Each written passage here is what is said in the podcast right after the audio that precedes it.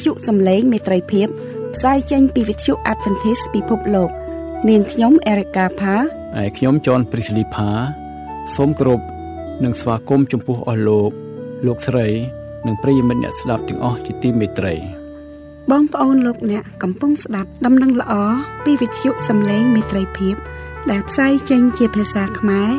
មួយថ្ងៃពីរលើកព្រឹកពីម៉ោង6ដល់ម៉ោង6:30នាទី ពេលល្ងាចពីម៉ោង8ដល់ម៉ោង8:30នាទីយប់តាមរលកធាតុអាកាសខ្លី short wave 15150 kHz កម្ពស់19ម៉ែត្រអ្នកស្រីសុនសវណ្ណានឹងជម្រាបជូននៅកម្មវិធីសម្រាប់ថ្ងៃនេះដូចតទៅ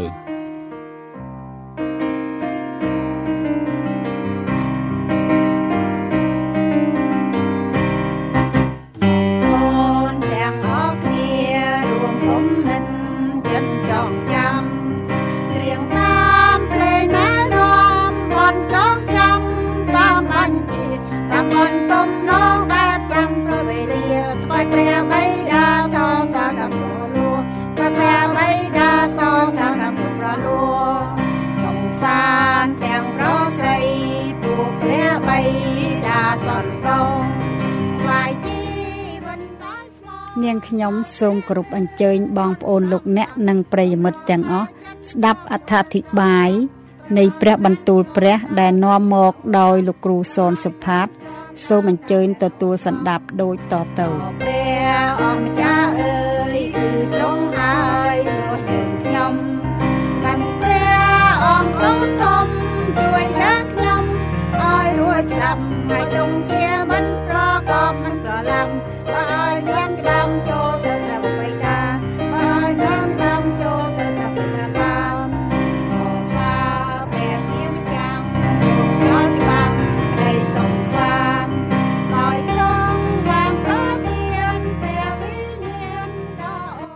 បាទសូមគោរពស្វាគមន៍ដល់បងប្អូនសុនភ្ងាដែលកំពុងស្ដាប់វិទ្យុសំឡេងមេត្រីភាពជាទីគោរពនិងជាទីមេត្រីនីតិអត្ថាធិប្បាយនៃព្រះគម្ពីរវិលមកជួបបងប្អូនលោកអ្នកវិញនៅថ្ងៃនេះខ្ញុំសូមលើកយកប្រធានបទមួយ ដែលជាសំណួរពីបងប្អូនអ្នកស្ដាប់ផងដែរដែលសួរថាតើពួកអាចារ្យពួកហ្វារីស៊ីពួកសារូស៊ីនឹងគឺជាអ្នកណា ដែលយើងជួបប្រទះច្រើននៅក្នុងសម័យព្រះយេស៊ូវនៅក្នុងព្រះគម្ពីរសញ្ញាថ្មីដូច្នេះខ្ញុំនឹងលើកយកមកជម្រាបចែកជូនបងប្អូន ដើម្បីឲ្យយើងបានយល់ពីព្រោះថាមនុស្សទាំងពីរក្រុមនេះមែនទែនមិនមែនពីរទេគឺ3ក្រុមប៉ុន្តែយើងច្រើនតែនិយាយថាពួកអាចារ្យនិងពួកហ្វារីស៊ីប៉ុន្តែមានពួកមួយទៀតពួកអាចារ្យនោះឯងដែលគេហៅថាភាសាអង់គ្លេសហៅ describe the Pharisee and the Sadducee ដូច្នេះមាន3ក្រុមទាំងអស់បើខ្ញុំនឹងលើកមកធ្វើអត្ថាធិប្បាយចែកជូនបងប្អូនសុនភាដើម្បីឲ្យយើងបានយល់ពីព្រោះថាមនុស្ស3ក្រុមនេះគឺមានសារៈសំខាន់ណាស់សម្រាប់ឲ្យយើងដឹងអំពីជំនឿរបស់គេក៏ដូចជាការអនុវត្តនៅជំនឿដែលធ្វើឲ្យយើងទាំងអស់គ្នាបានយល់ថាតើពួកទាំង3ក្រុមនោះជាជាណានា មុនចាប់ផ្ដើមយើងមើលនៅក្នុងព្រះបន្ទូលរបស់ព្រះអង្គខ្ញុំសូមអញ្ជើញបងប្អូនសូមគ្នាអធិដ្ឋានសូមពរពីព្រះជាម្ចាស់ព្រះវរបិតាដែលគង់នៅឋានសួគ៌ទូមគុំសូមអរប្រគុណទ្រង់សូមព្រះអង្គប្រទានពរដល់ទូមគុំទាំងអស់គ្នាដែលកំពុងពិចារណាទៅលើក្រុមមនុស្ស3ក្រុមនៅក្នុងព្រះគម្ពីរគឺពួក Pharisee ពួក Sadducee និងពួកអាចារ្យសូមព្រះជាម្ចាស់ប្រទានពរឲ្យទុំគុំបានយល់ទៅតាមបហតិរបស់ផងទ្រង់ទុំគុំសូមអធិដ្ឋានដោយនៅព្រះនាមព្រះម្ចាស់ព្រះយេស៊ូវគ្រីស្ទអាមែនតកតងទៅនឹងពួកអាចារ្យពួក Pharisee នេះគឺថាយើងពឹងផ្អែកទៅលើឯកសារខ្លះដែលនៅក្នុងព្រះគម្ពីរអត្ថាធិប្បាយខ្ញុំលើកយកពីព្រះគម្ពីរ NIV Live Application Bible គឺនៅក្នុងទំព័រនៅទំព័រ1647ដែលគេមានធ្វើការបរិយាយអំពីពួក Pharisee និង Sadducee ដូចខ្ញុំជម្រាបជូនបងប្អូនហើយថាសូម្បីតែនៅក្នុងព្រះគម្ពីរយើង ដែលបងប្អូនលោកអ្នកភាកច្រើនយល់ថាពួកអាចារ្យនិងពួក Pharisee នោះ គឺជាអឺមនុស្សមួយក្រុមប៉ុន្តែបើយើងមើលនៅក្នុងព្រះគម្ពីរ មានចែងច្បាស់ណាស់ថាពួកអាចារ្យពួក Pharisee នោះគឺជាអឺភាសាអង់គ្លេសហៅ the scribe ណាពួកអាចារ្យនិងពួក Pharisee នោះគេថា the Pharisee បាទយើងហៅពួក Pharisee បាទហើយមួយទៀតគេហៅពួក Sadducee ដូច្នេះបើយើងនិយាយមែនទែនគឺមាន3ក្រុម បាទនៅក្នុងព្រះគម្ពីរនៅក្នុងគម្ពីរសញ្ញាចាស់គឺថាពួកអឺអាចារ្យនឹងគេថាមានតាំងពី នៅក្នុងសម័យនៃគម្ពីរសាមយូអែលគម្ពីរយេរេមៀនៅក្នុងពងសាវតារក្សត្រ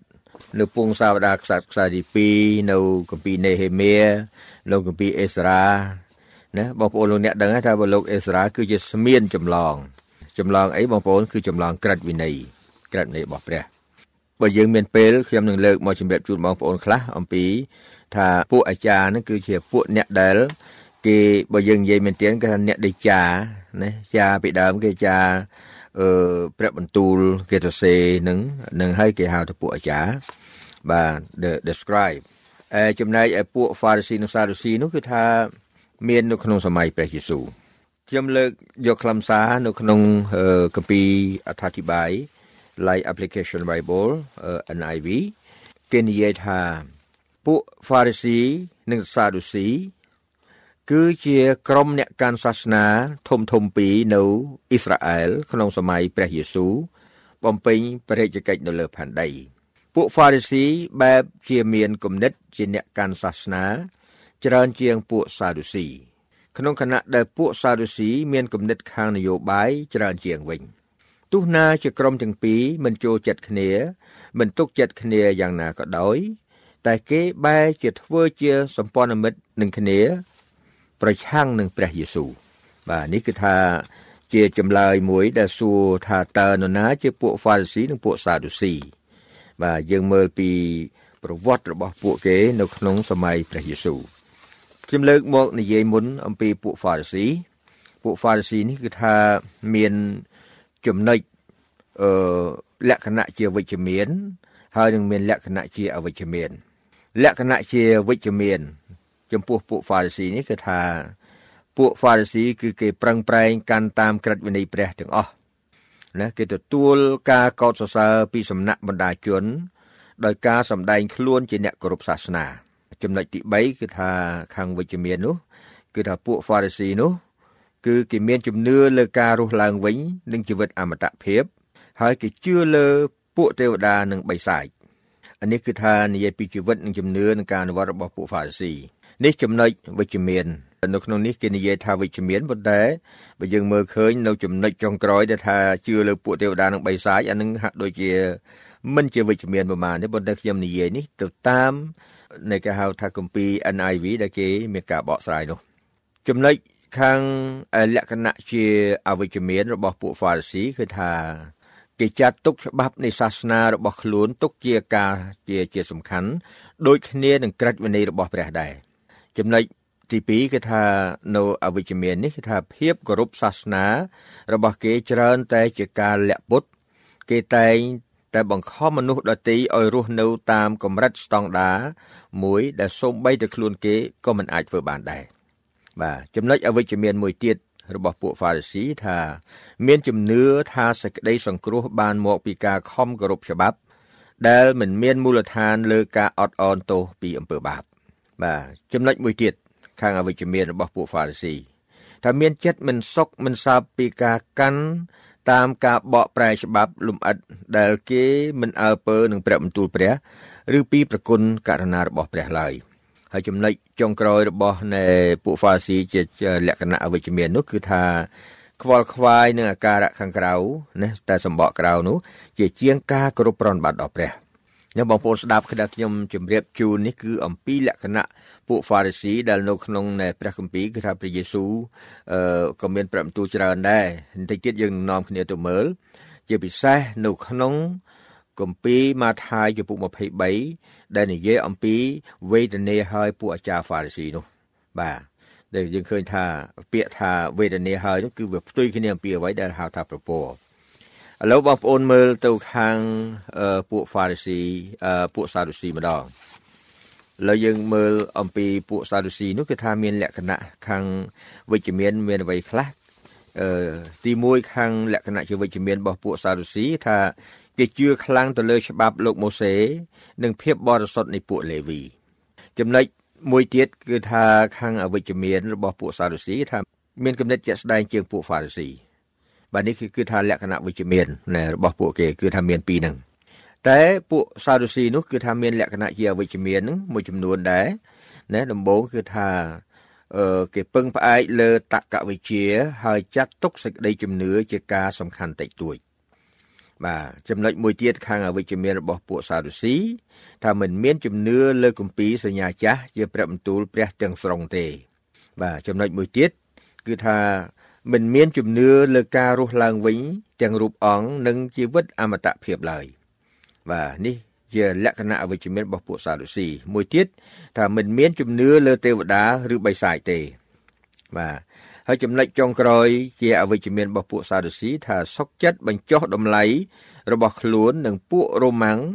និងអ្នកឯទៀតដើម្បីរក្សាឋានៈនិងតំណែងដែលមានអធិបុល នេះគឺថាជាជីវិតជំនឿនិងការអនុវត្តរបស់ពួកសាឌូស៊ីបាទដូច្នេះយើងឃើញថាចំណុចទាំងអស់នេះដែលបងប្អូនលោកអ្នកអាចនឹងផ្ទៀងផ្ទាត់មើលដែលខ្ញុំបានជម្រាបជូននេះគឺថានៅក្នុងកំណត់ត្រានៃសភៅ NIV Live Application Study Bible នៅទំព័រ1647បាទនេះជាព្រះគម្ពីរដែលអត្ថាធិប្បាយដែល ពួកគ្រីស្ទៀនពិភពគ្រីស្ទៀនគេថាមើលទាំងអស់មិនមែនថាជាអឺព្រះគម្ពីររបស់តែក្រុមជំនុំសវណ្ណមធីទេគេថានេះគេថាជាទូទៅណែព្រះគម្ពីរមានតែល្បីល្បាញនឹងគេថាដំបូងគឺ King James Version ប៉ុន្តែដោយសារភាសានឹងពិបាកស្ដាប់ពេកគេមាន version មួយទៀតគេហៅថា New King James Version បាទនោះគេថាគេ មានខ្លឹមសារនឹងគេថាវាមានលក្ខណៈអឺចិត្ត នៅនេះគេច្បាប់ដើមមែនទែនហើយប៉ុន្តែគ្រាន់តែគេបដូរពាក្យណាដែលជាពាក្យភាសាពីបុរាណខ្លាំងពេកណាដូចថាមានអាដាវដាយដាយហ្នឹងគេថាជានេះថា you ហ្នឹងណាគឺថាហ្នឹងគឺថាគេមិនប្រើទេបាទនេះចំពោះបងប្អូនដែលមានចំណេះខាងភាសាអង់គ្លេសខ្លះលោកយល់តែពេលដែលខ្ញុំនិយាយការនេះឥឡូវនេះយើងទាំងអស់គ្នាមើលនៅក្នុងនេះខ្ញុំនាំបងប្អូនមើល អំពីពួកខាងនៃអាចារ្យម្ដងតែនៅក្នុងនេះយើងមើលឃើញថាពួកអាចារ្យនឹងមាននៅកន្លែងណាខ្លះបងប្អូនមើលជាមួយខ្ញុំនៅក្នុងគម្ពីរសញ្ញាចាស់ដូចជាយើងមើលឃើញនៅក្នុងគម្ពីរអេសារ៉ាចំពុក4ខ8អេសារ៉ាចំពុក4ខ8គឺចាងវាងរេហូមនិងស្មៀនស៊ីមសាយពាក្យថាស្មៀនហ្នឹងបងប្អូនគេថា describe ឥឡូវយើងមើលមួយទៀតនៅក្នុងគម្ពីរនេហេមៀបាទនេហេមៀបាទនេហេមៀជំពូក12ខ36នេហេមៀជំពូក12ខ36ខ្ញុំចង់ឲ្យបងប្អូនមើលនៅក្នុងពាក្យខ្លះដែលគេនិយាយថាអឺអ្នកអាចារ្យនោះដែលភាសាអង់គ្លេសហៅ describe 12ខ36និងពួកបងប្អូនលោកគឺអឺសេម៉ាយ៉ាអាសារ៉ាល់ មីឡាឡៃគីឡាឡៃមីអាយអឺយូដានិងហានានី ដែលកាន់ប្រដាប់ភ្លេងរបស់ដាវីតជាអ្នកសំណោតរបស់ព្រះ ហើយមានស្មៀនអេសារ៉ាជាអ្នកនាំមុខបាទលោកអេសារ៉ាគឺជាជាស្មៀនជាស្មៀនហ្នឹងដែលនៅក្នុងនេះគេហៅភាសាអង់គ្លេសហៅ describe បាទ describe ដូច្នេះបងប្អូនទាំងអស់គ្នាមើលឃើញថានៅក្នុងបទបន្ទូលនេះ គឺនិយាយអំពីថាពួកអាចារ្យហ្នឹងដែលយើងមើលនៅក្នុងព្រះគម្ពីរម៉ាថាយជំពូក23ចំណោមបងប្អូនយើងមើលនៅក្នុងចំណុចហ្នឹងគឺថាអឺតាក់ទងទៅនឹងអឺមនុស្សពីរក្រុម ដែលពួកអាចារ្យនិងពួកហ្វារីស៊ីអឺចំណុចនេះបងប្អូនមើលជាមួយខ្ញុំម៉ាថាយជំពូក23ខ1គ្រានោះព្រះយេស៊ូវទ្រង់មានបន្ទូលនឹងវងមនុស្សហើយនឹងពួកសាសទ្រង់ថា ពួកអាចារ្យនិងពួកហ្វារីស៊ី ដូច្នេះយើងឃើញថាបើប្រើពាក្យថានៃនឹងនឹងគឺបានស្ដីថាពួកអាចារ្យមួយក្រុមពួកហ្វារីស៊ីមួយក្រុមមិនមែនពួកអាចារ្យហ្វារីស៊ីទេគេថាពួកអាចារ្យនិងពួកហ្វារីស៊ីគេបានតាំងខ្លួនគេអង្គុយនៅទីបង្រៀនរបស់លោកម៉ូសេបងប្អូនឃើញនេះនេះហើយដែលខ្ញុំចង់បង្ហាញប្រាប់បងប្អូនថានេះពីរក្រុមដែលយើង ធម្មតានៅក្នុងបងប្អូនអ្នកដែលចូលជាអ្នកគ្រីស្ទានហើយក៏ដោយប៉ុន្តែជួនកាលបងប្អូនគិតថាជាងច្រើនហៅពួកអាចារ្យហ្វារីស៊ីបាទមែនទេអាចារ្យហ្វារីស៊ីដូច្នេះពួកអាចារ្យហ្នឹងគឺមួយក្រុមភាសាអង់គ្លេសហៅ describe ហើយនឹងពួក Pharisee the Pharisee ពីរក្រុមដៃពីគ្នាបងប្អូនបាទនេះខ្ញុំឲ្យស្គាល់ក្រុមនឹងសិនហើយចាំហើយចាំយើងមើលអំពីលក្ខណៈយ៉ាងណាខ្លះនៅក្នុងក្រុមទាំងទាំង3នេះ បាទហើយបងប្អូនទាំងអស់គ្នាដឹងហើយថាចំណុចដែលធំធំមាញ់មិញនេះគឺយើងឃើញនៅពួក Pharisee ហ្នឹងគឺថាអឺយើងមើលចំណុចមាញ់មិញគឺគេយ៉ាងម៉េចខ្លះគេមានចំណុចជាវិជ្ជមាននិងចំណុចអវិជ្ជមានហ្នឹងបងប្អូនទាំងអស់គ្នាឃើញហើយថាមានលក្ខណៈដែលនឹងហើយបានជាតែងតែទទួលការទីថាអឺមិនមិនមែនជាក្រុមល្អទេ ចំពោះ សេចក្តីជំនឿគឺថាយើងមិនអាចយកធ្វើជាក្បួនបានទេណាពីព្រោះថាពួកគេទាំងទាំងពីរក្រុមហ្នឹងជាថាពិសេសពួកអឺអាចារ្យនៅពួក Pharisee និងពួក Sadducee ហ្នឹងជាពិសេសពួក Pharisee តែម្ដងគឺថាច្រើនតែប្រឆាំងជាមួយព្រះយេស៊ូវនៅគ្រប់កន្លែងទាំងអស់បាទដូច្នេះបងប្អូនទាំងអស់គ្នាមើលចំណុចហ្នឹងឃើញមាញ់មិញខ្ញុំបានជម្រាបជូនហោហែប៉ុន្តែមានចំណុចខ្លះទៀតដែលតាក់ទងទៅនឹងចំណុចដ៏សំខាន់នៅក្នុងស្ដីជំនឿ បាទហើយមូលហើយចំណុចដែលខ្ញុំចង់ឲ្យបងប្អូនលោកអ្នកបានស្គាល់បានស្គាល់ពួកអាចារ្យនិងពួកហ្វារីស៊ីនេះគឺជាការសំខាន់ណាស់ពីព្រោះថាព្រះគម្ពីរសំបីព្រះយេស៊ូវក៏ព្រះអង្គទ្រង់ថ្កោលហើយនឹងទ្រង់មានព្រះបន្ទូលធ្ងន់ធ្ងរទៅដល់ពួកនៃពួកអាចារ្យពួកហ្វារីស៊ីបាទ ដូច្នេះយើងឃើញថាពួកក្រុមហ្នឹងគឺជាមិនល្អទេដូច្ដូច្នេះបើយើងយើងត្រូវតែស្គាល់ថាតើពួកអាចារ្យពួកហ្វារីស៊ីពួកសាឌូស៊ីហ្នឹងជាមនុស្សបែបណា ហើយប្រសិនបើយើងមិនប្រយ័ត្នយើងអាចធ្លាក់ចូលទៅក្នុងណាអឺលក្ខណៈដូចជាពួកអាចារ្យពួកហ្វារីស៊ីដែរនេះគឺជាចំណុចសំខាន់ណាស់ដូចខ្ញុំជំរាបជូនបងប្អូនថា បាបបើយើងមិនស្គាល់ខ្លឹមសារមិនស្គាល់នៃនិយមនៃនាមពើបាបជួនកាលយើងធ្វើបាបដល់ដឹងខ្លួន បាទនេះគឺថាសំខាន់ណាស់ដើម្បីនឹងរៀបចំខ្លួនរបស់យើងឲ្យបានសុចរិតល្អជាមួយព្រះគឺថាយើងត្រូវតែស្គាល់អ្វីទៅដែលជាអំពើបាប ដើម្បីនឹងជៀសផុតពីការដែលយើងធ្វើអ្វីមួយដែលមិនត្រឹមត្រូវល្អនោះគឺថាយើងត្រូវតែជៀសអ្វីមួយដែលពួក Pharisee Sadducee ធ្វើ លោកចំណោមបងប្អូនមើលចំណុចមួយដែលយើងឧស្សាហ៍មើលហើយយើងឃើញថាព្រះយេស៊ូវបានមានព្រះបន្ទូលធ្ងន់នៅកន្លែងនោះអឺយើងមើលទៅគម្ពីរម៉ាថាយចំពុក5ខ17បាទនៅពេលដែលមនុស្សទាំងអស់គឺគេនៅក្នុងសម័យនោះគឺគេមិនយល់ច្បាស់អំពីខ្លឹមសារនៃក្រឹតវិន័យ10ប្រការហើយ គេគិតថាព្រះយេស៊ូវយាងមកនឹងគឺថាបានលើកក្រឹតវិន័យចោលបានព្រះអង្គមានព្រះបន្ទូលនៅគម្ពីរម៉ាថាយចំពុក5ខ17ថាកុំអោយគិតស្មានថាខ្ញុំមកដើម្បីនឹងលើកក្រឹតវិន័យឬទំនាយពួកហោរាចោលឡើយខ្ញុំមិនមែនមកនឹងលើកចោលទេគឺមកនឹងធ្វើឲ្យសម្រេចវិញត្បិតខ្ញុំប្រាប់អ្នករាល់គ្នាជាប្រកាសថានឹងគ្មានបាំងឈើមួយឬក្បៀសមួយនៅក្នុងក្រឹតវិន័យត្រូវបាត់ឡើយដល់រាបដល់កាលណាមេឃនិងផែនដីបានកន្លងបាត់ទៅ គឺទាល់តែសេចក្តីទាំងអស់បានសម្រេចដោយសពគ្រប់ដូច្នេះអ្នកណាដែលនឹងរំលងបត់ណាមួយសូម្បីយ៉ាងតូចបំផុតក្នុងបញ្ញត្តិទាំងនេះ ហើយបង្រៀនមនុស្សឲ្យធ្វើដូច្នោះដែរនោះនឹងត្រូវហៅជាអ្នកតូចបំផុតក្នុងនគរឋានសួគ៌តែអ្នកណាដែលកាន់តាមហើយបង្រៀនចំពោះបញ្ញត្តិទាំងនេះ នោះនឹងបានហៅជាអ្នកធំក្នុងនគរឋានសួគ៌វិញ ខ20ខ្ញុំប្រាប់អ្នករាល់គ្នាថាបើសេចក្តីសុចរិតរបស់អ្នករាល់គ្នាមិនលើសពីសេចក្តីសុចរិតនៃពួកអាចារ្យនិងពួកហ្វារីស៊ីទេនោះអ្នករាល់គ្នានឹងចូលទៅក្នុងនគរឋានសួគ៌ពុំបានឡើយកន្លែងនឹងមួយគឺជាចំណុចសំខាន់ណាស់បងប្អូននៅក្នុងការដែលយើងយល់ចំពោះបងប្អូនដែលស្រឡាញ់ព្រះកំពុងស្វែងរកនគរឋានសួគ៌ណានៅក្នុងខនឹងព្រះបន្ទូលចែងច្បាស់ថាបើសេចក្តីសុចរិតរបស់អ្នករាល់គ្នា អ្នករាល់គ្នាទាំងខ្ញុំទាំងបងប្អូននឹងគេថាទាំងអស់គ្នាមិនលើសពីសេចក្តីសុចរិតនៃពួកអាចារ្យនិងពួកហ្វាស៊ីណាពួកអឺ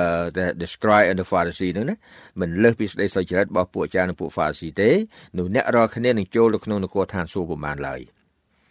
នេះនេះយើងយើងឃើញថាចំណុចសំខាន់ណាស់ឥឡូវយើងមើលមើលថាតើពួក pharisee នឹងពួកអាចារ្យពួក pharisee នោះគឺគេបានសេចក្តីគេគេគេរាប់សុចរិតដោយរបៀបណា នៅក្នុងនេះគេតាំងខ្លួនគេជាអ្នកសុចរិតប៉ុន្តែសេចក្តីសុចរិតនោះគឺយើងទាំងអស់គ្នាដឹងហើយថាគ្មាននរណាម្នាក់អាចអះអានតែខ្លួនសុចរិតទេ លើកលែងតែយើងស្ថិតនៅចំពោះព្រះហើយព្រះរាប់យើងថាសុចរិតនោះហើយដែលយើងយើងអាចនិយាយថាយើងបានសុចរិតបានប៉ុន្តែពួកអាចារ្យហ្វាស៊ីគេមានសេចក្តីសុចរិតគេបែបណាបងប្អូនមើលជាមួយខ្ញុំនៅគម្ពីរម៉ាថាយចំពុក23 យើងឃើញថាពួកអាចារ្យហ្វាស៊ីនោះគឺថា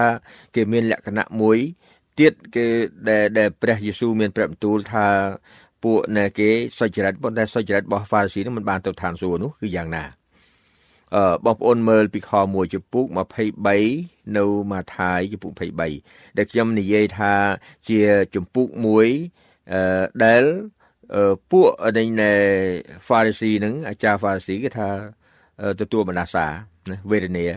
វេទនានឹងវាផ្ទុយគ្នាពីប្រពោបាទឥឡូវយើងមើលខ1គ្រានោះព្រះយេស៊ូវទ្រង់មានបន្ទូលនឹងវងមនុស្សហើយនឹងពួកសិស្សទ្រង់ថាពួកអាចារ្យនិងពួក Pharisee គេបានតាំងខ្លួនគេ អង្គុយនៅទីបង្រៀនរបស់លោកម៉ូសេបាទធ្ងន់ណាស់ណែខ្ពស់ណាស់ណា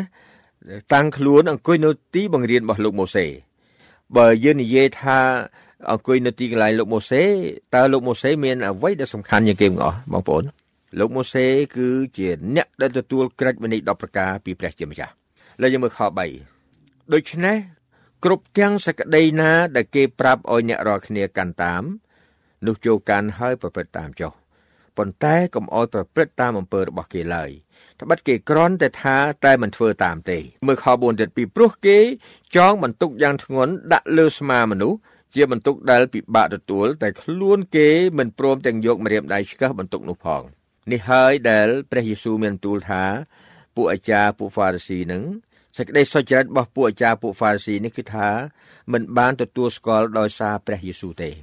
ហើយនៅក្នុងគម្ពីរម៉ាថាយចំពុក5ខ17ដល់20ហ្នឹងគឺថាមានចែងអំពីសារៈសំខាន់នៃក្រិតវិន័យ10ប្រការដែលជាលក្ខណៈវិនិច្ឆ័យសម្រាប់នគរឋានសួគ៌ ព្រះយេស៊ូវមានបន្ទូលថាពួកអាចារ្យពួកហ្វារីស៊ីនោះគឺសេចក្តីសុចរិតបែបយ៉ាងនោះមិនបានចូលនគរឋានសួគ៌ទេកន្លែងនេះគឺថាពិភពគ្រីស្ទានជួនកាលយើងជជែកគ្នាពីរឿងថាអឺយ៉ាងម៉េចនរណាខុសនរណាត្រូវនរណានៃ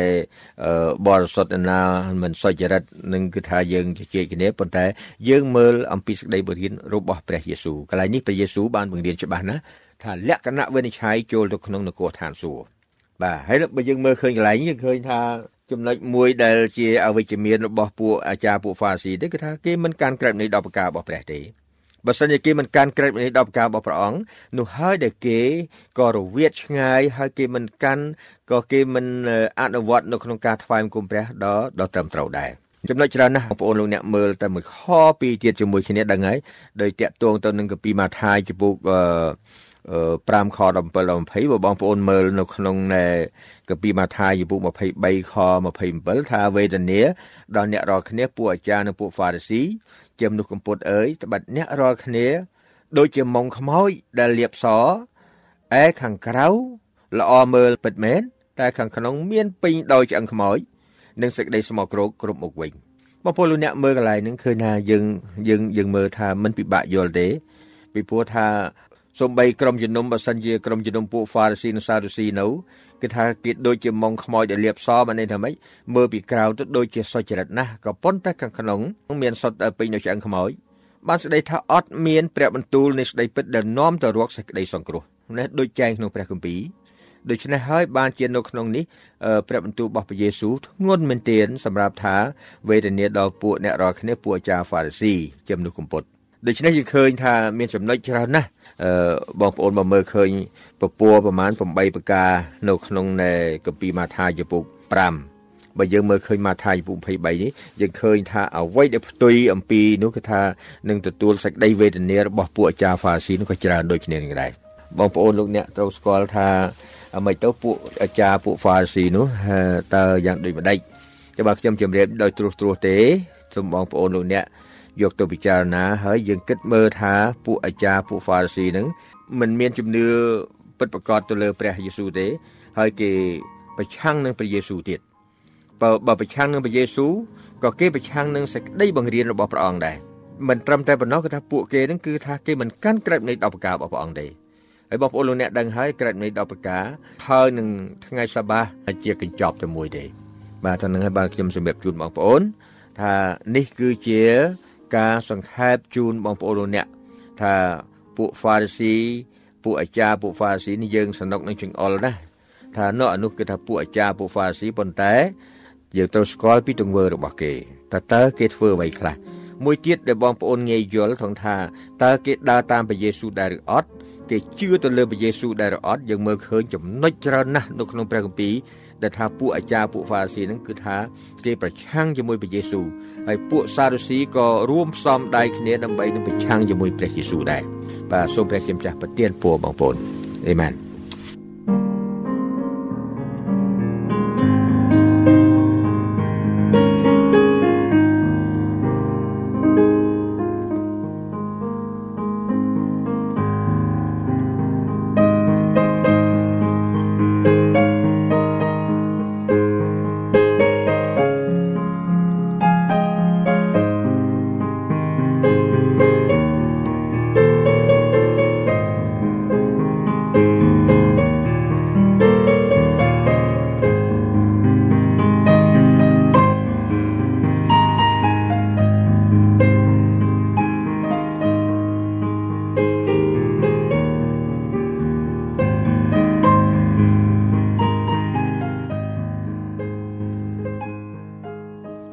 នលោកអ្នកអាចសរសេរមកវិទ្យុសំឡេងមិត្តភាពតាមអាស័យដ្ឋាន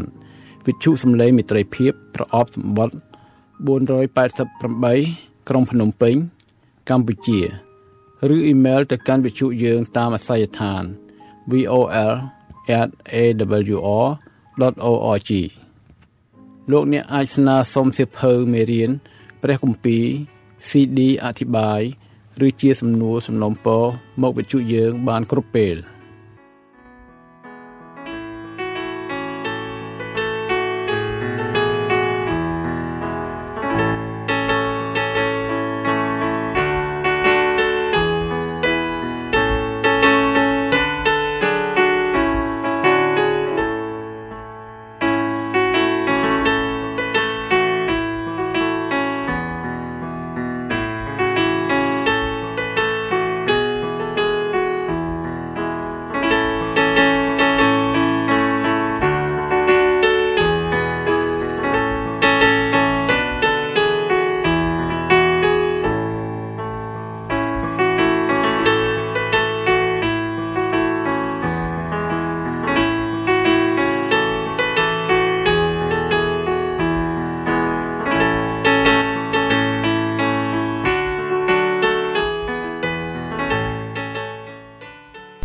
កម្មវិធីសម្រាប់ថ្ងៃនេះចប់តែប៉ុណ្ណេះវិទ្យុយើង សូមថ្លែងអំណរគុណជាអតិបរមា ចំពោះការយកចិត្តទុកដាក់ស្ដាប់ របស់អស់លោកអ្នកនាងសូមព្រះជាម្ចាស់នៃមេត្រីភាពប្រោះប្រទានព្រះពរគឺសេចក្តីសុខសន្តិភាព អំណរនិងសុភមង្គលជានិច្ចនិរន្តរ៍តរៀងទៅសួស្តី